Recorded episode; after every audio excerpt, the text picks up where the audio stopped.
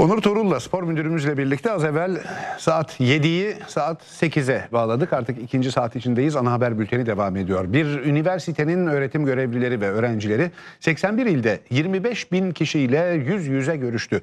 Türkiye'nin öfke haritası çıkarıldı. En öfkeli bölge Güneydoğu Anadolu bölgesi. En sakin bölge ise Trakya. Bu araştırmaya, aynı araştırmaya göre gençler çok ama çok öfkeli.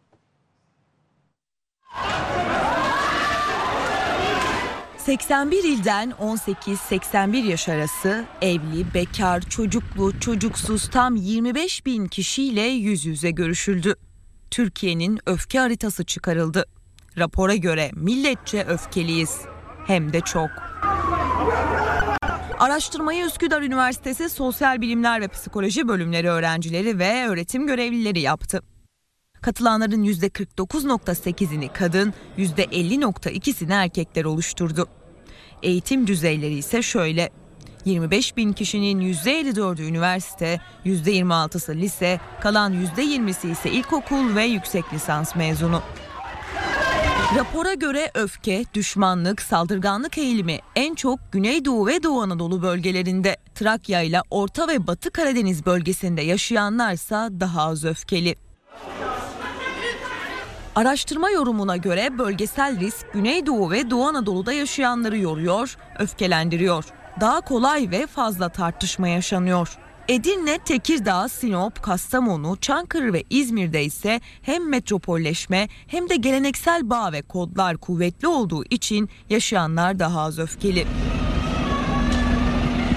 Araştırmanın en çarpıcı sonucuysa şu. Gençler şiddete eğilimli, öfkeli. Analizleri yorumlayan doçent doktor Gökben Hızlı Sayar'a göre gençler hostilite yani negatif duyguları çok. Duyguları tanıma ve anlamlandırma güçlüğü yaşıyor. Tütün ve madde kullanımı fazla. Dolayısıyla psikolojik sorunlar gençlerde artış gösteriyor.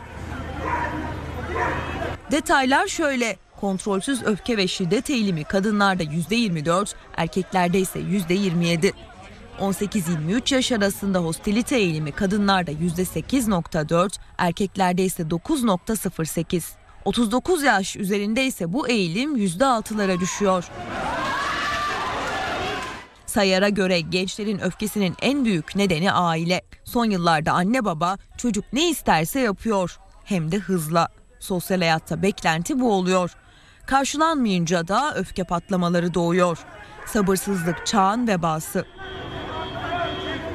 Psikiyatrist Profesör Doktor Nevzat Tarhan'a göre özellikle aile içi şiddet tüm dünyada olduğu gibi Türkiye'de de arttı ve hem şiddete maruz kalan hem de şiddet uygulayan aile bireyleri devlet eliyle rehabilite edilmeli. Profesör Doktor Sevil Atasoy ise daha da kara bir tablo çiziyor. Şiddet genlere, çocuklara geçiyor ve çocuklar en çok da anne, baba, abi şiddetine uğruyor. Ne yaşıyor, ne görüyorsa o davranış biçimini benimsiyor. Dünyada 20 yıldır şiddetin genlere etkisi araştırılıyor. Şiddete maruz kalan çocukların meslek seçimleri genelde polislik, pilot ya da askerlik oluyor. Dolayısıyla anne babalara düşen görev büyük. Çocuğun her istediği yapılmayacak ve asla şiddet uygulanmayacak. Yani öfke kontrolü ailede başlayacak.